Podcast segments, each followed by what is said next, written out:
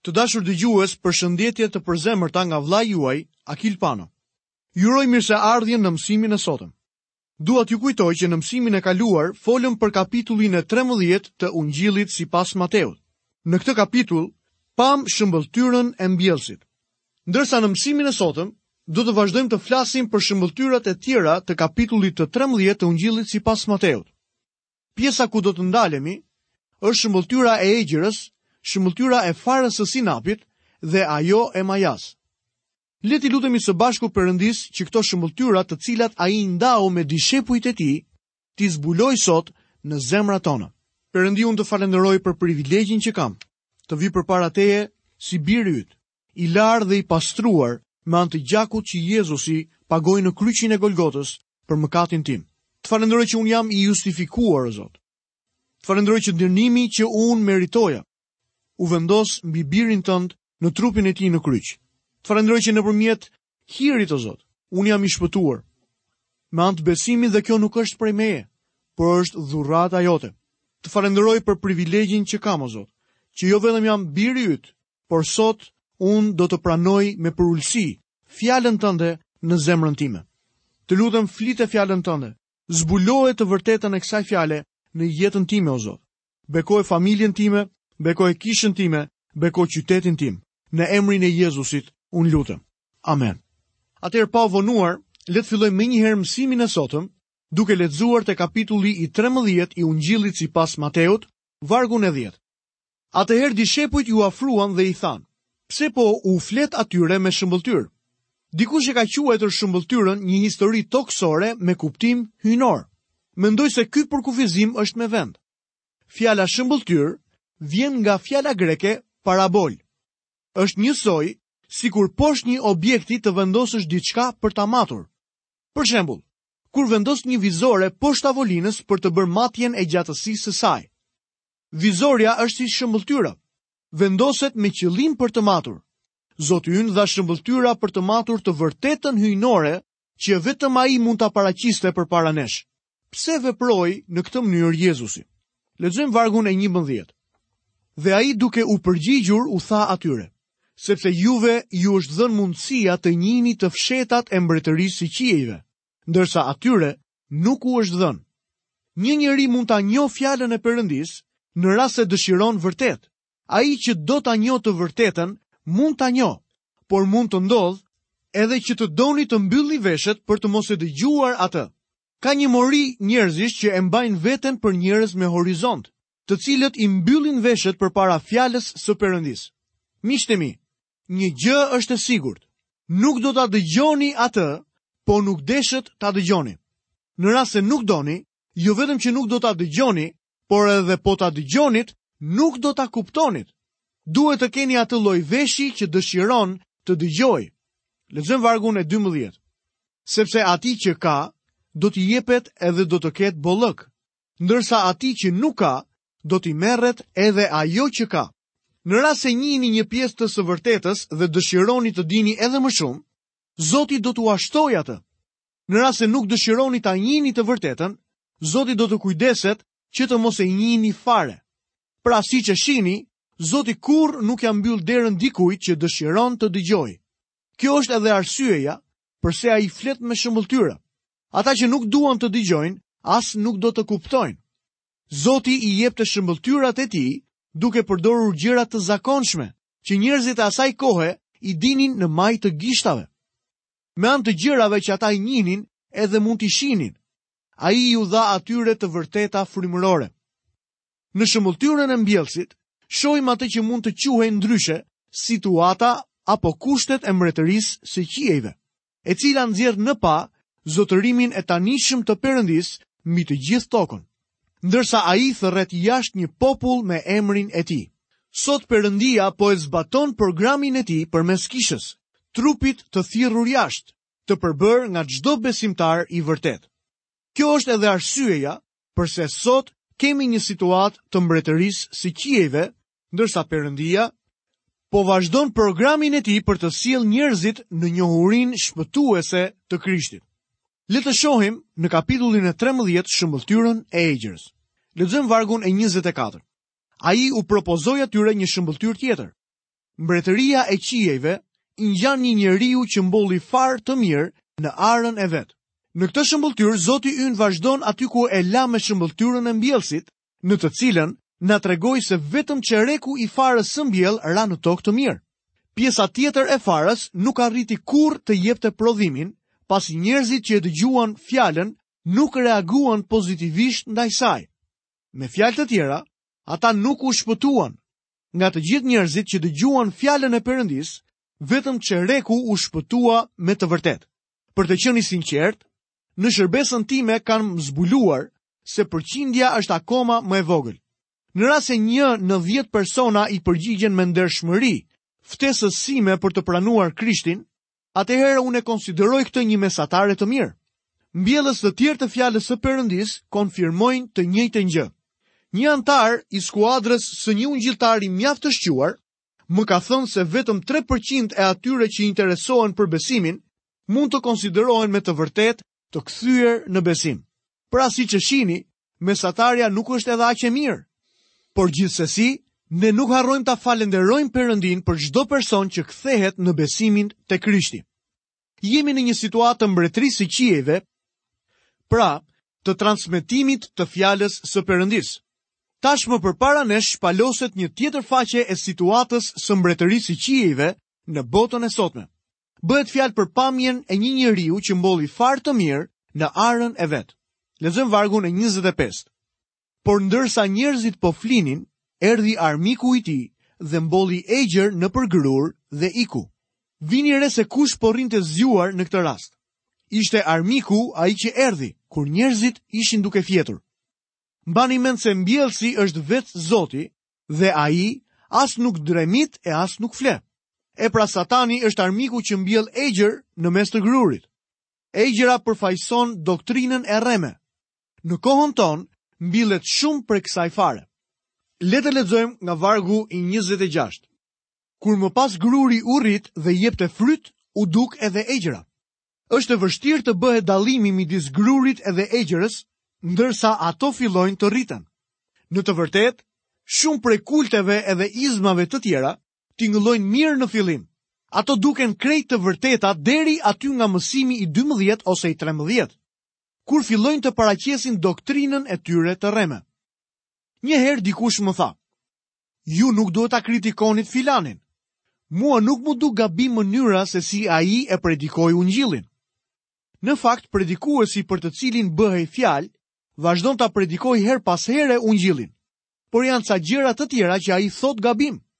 Pra, ai mbjell egjër në mes të grurit. Tani do të shohim se në fakt mbjellësi e dinte që ai ishte përgjegjës edhe për egjrën. Le të lexojmë në vargun 27. Dhe shërbëtorët e padronit të shtëpisë iu afruan atij dhe i thanë: Zot, a nuk ke mbjellë farë të mirë në arën tënde? Vallë nga doli egjra. Dhe ai u tha: Këtë e ka bërë armiku. Atëherë shërbëtorët i thanë: A do ti që ne të shkojmë e ta shkulim? Por ai tha, jo, kam frikë se duke shkelur egjrën, bashkë me të, do të shkulni edhe grurin.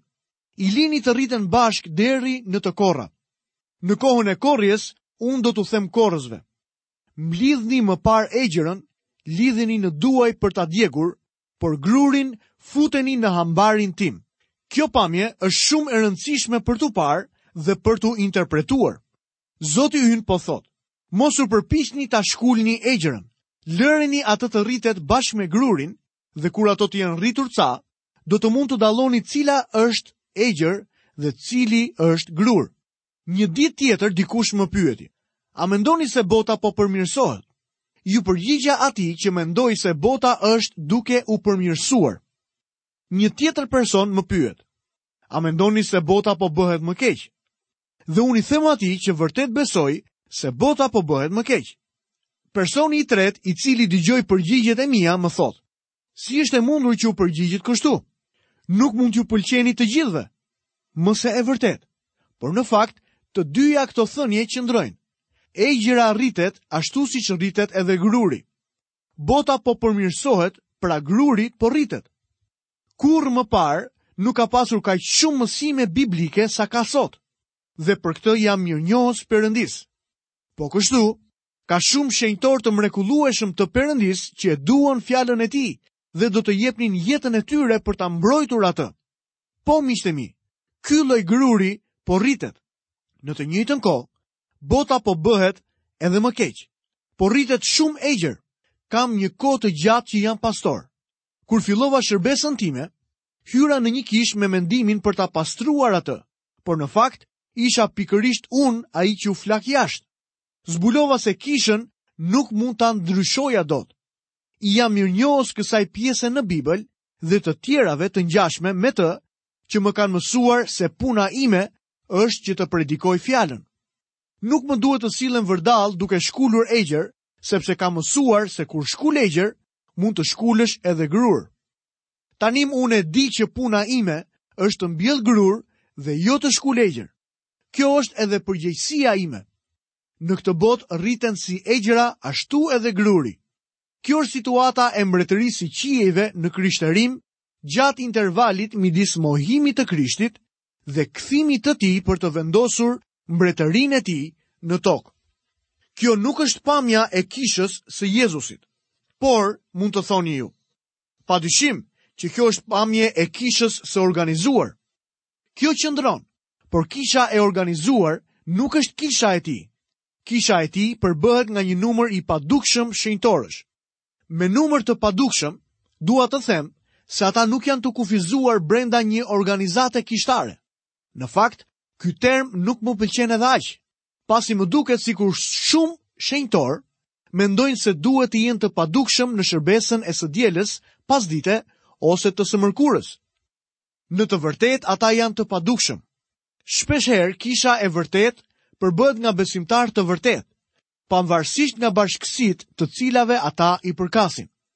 Besimtarë të vërtetë janë ata që besojnë se Jezusi është shpëtimtari i tyre, që prehen tek ai dhe duan fjalën e tij.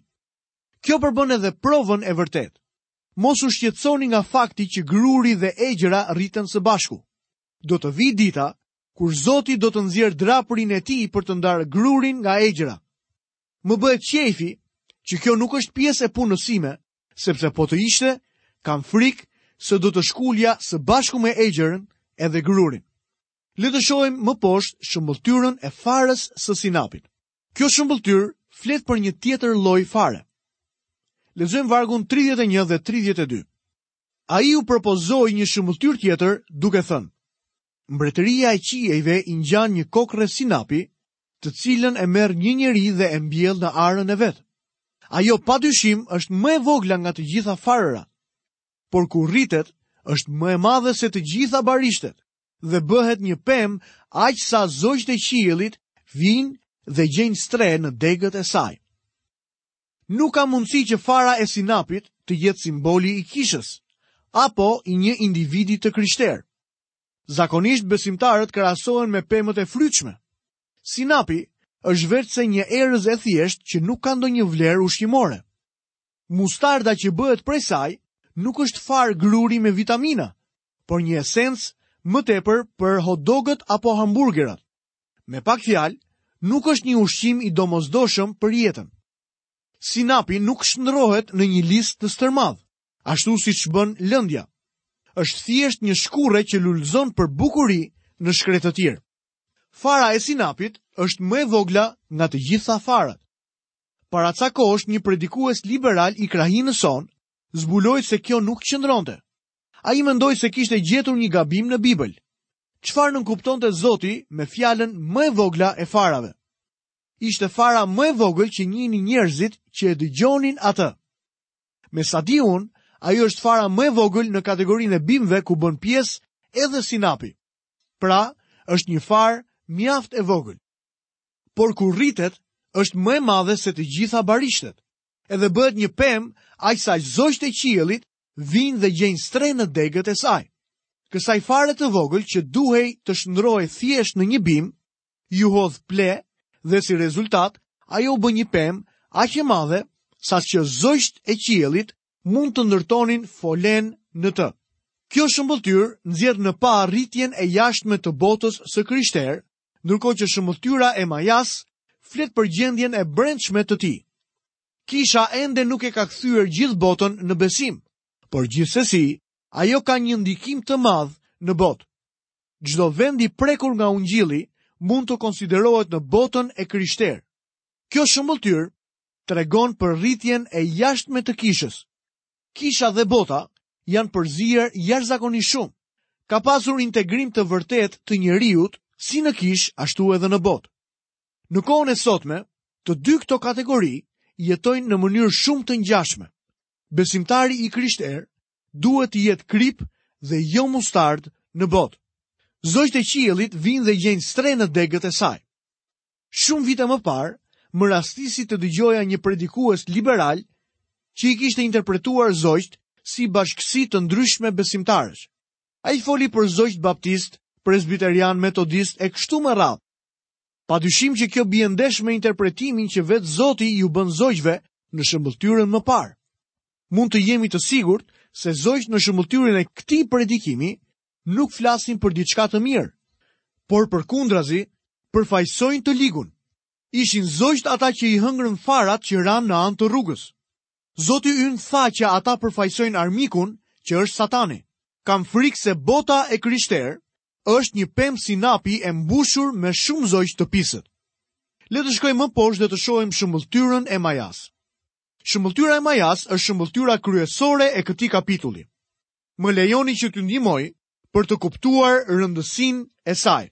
Së pari, Ungjilli sipas Mateut është libri kryesor i Biblës. Së dyti, kapitulli i 13 është kapitulli më kryesor i tij. Dhe së treti, vargu i 33 është vargu më kryesor i kapitullit të 13.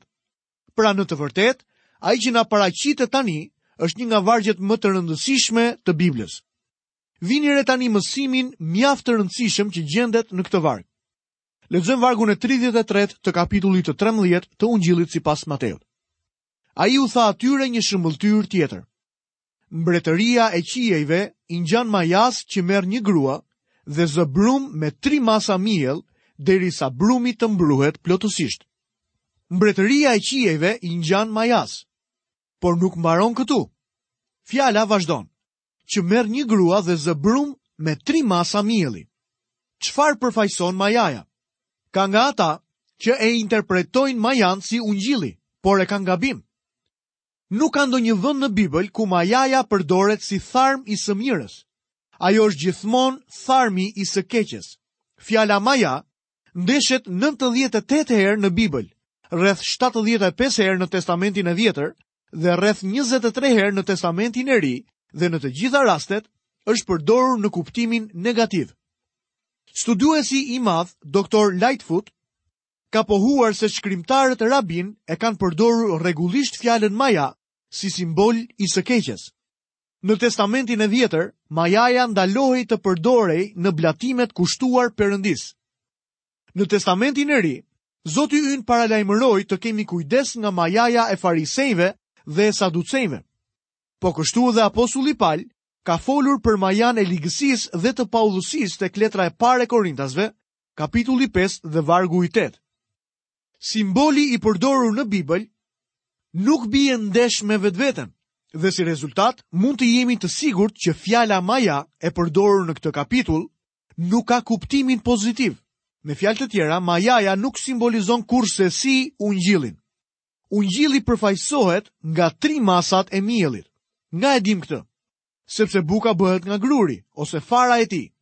Dhe Zoti ynë e ka thënë në shëmbëlltyrën tjetër se fara përfaqëson fjalën e Perëndisë. Mbani mend se kjo shëmbëlltyrë është pamja e asaj që i ndodh fjalës së Perëndisë në këtë botë. gjatë intervalit midis mohimit të Krishtit dhe lartësimit të tij, kur ai të kthehet për të vendosur mbretërinë e tij. Vini re se çfarë ndodh me fjalën e Perëndisë, që përfaqëson bukën. Në skenë na del një grua. Shpresoj që ju femrat do të kini mirësinë të më falni për theksin që më duhet t'i vë këtij detaj dhe kur në sesionin doktrinal të Biblës përmendet një grua, ajo gjithmonë përmendet si tharm i së keqes. Pra një grua merr pak maja dhe e fsheh atë brenda në bukë. Përse do ta fshihte ajo majan në rast se do të simbolizonte ungjillin? Ungjilli duhet të trumpetohet nga çatitë e shtëpive dhe të transmetohet deri në skajin e dheut.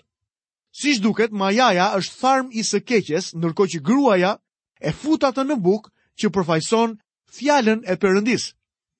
Pa dyshim që sot kjo është e vërtetë. Nuk ka kult që nuk e pranon Biblën. Me sa di unë, Biblën e përdorin edhe ata që adhurojnë djallin, pra adhuruesit e demonëve. Janë mësuesit e rremë të çdo lloji, ata që hedhin maja në bukë që është fjala e Perëndisë. Por çfarë bën majaja? Majaja është një substancë që bën të mundur fermentimin. Kur hidhet në brumin e bukës, e bën atë të mbruhet, të fryhet, duke i dhënë gjithashtu edhe shije. Kjo është edhe arsyeja përse shumë njerëzve iu duken tërheqës kultet. Buka pa maja është bajate, pa shije të veçantë. Pak maja bën vërtet një goxha ndryshim. Unë jam rritur në jug të Amerikës. Ime ëmë e kishte zakon të bënte biskota të shijshme. Ajo hidhte pak maja në brumë dhe e linte atë diku prapa sobës që të fryhej. Kur rastiste të vija me potere në kuzhinë, ajo më thoshte të mos bëja rrëmujë se nuk donte që brumi i biskotave të derdhej. Kur brumi arrinte një lartësi të caktuar, ajo e ndalonte fermentimin duke i futur ato në furrë për t'u pjekur. Ju ka rastisur ndonjëherë të shihni se ç'ndodh në qoftë se e lini brumin të vazhdojë të fryhet? Në qoftë se jo, ju siguroj unë që katandiset në një paçavure që nuk vihet në gojë. Pra majaja është tharm i së keqes. Kjo shëmbëlltyrë na mëson se ndërhyrja në kishë e doktrinave të rreme Në fund do ta çojë kishën në vaktësi të plotë. Mbretëria e qiejve i ngjan majasë që merr një grua dhe zë brumë me tri masa miell derisa brumi të mbruhet plotësisht. Vetë Zoti Jezus tha, Po kur të vijë biri i njeriut, a do të gjejë besim mbi tokë? Mënyra se si është shtruar kjo pyetje në greqisht kërkon një përgjigje negative. Me fjalë të tjera, ai po thotë këtu se kur të kthehet, bota do të jetë në vakësi të plotë. Po kështu apostulli Pal, duke i shkruar një djaloshi që përgatitej për shërbesën, paralajmëron se do të vijë koha kur njerëzit nuk do ta durojnë dot doktrinën e shëndoshë. Vakësia e plotë dhe përfundimtare e kishës tregohet sidomos në rastin e kishës së Laodicesë. Të dashur dëgjues, ja ku kemi mbërritur edhe në mbylljen e programit të sotëm. Qëndroni me ne dhe mos harroni që të njëjtin mësim do ta vazhdojmë në programin e ardhshëm. Nga unë vëllai juaj Akil Pano, keni të gjitha bekimet dhe paqen e Perëndisë në jetën tuaj. Bashkë mirudëgjofshim.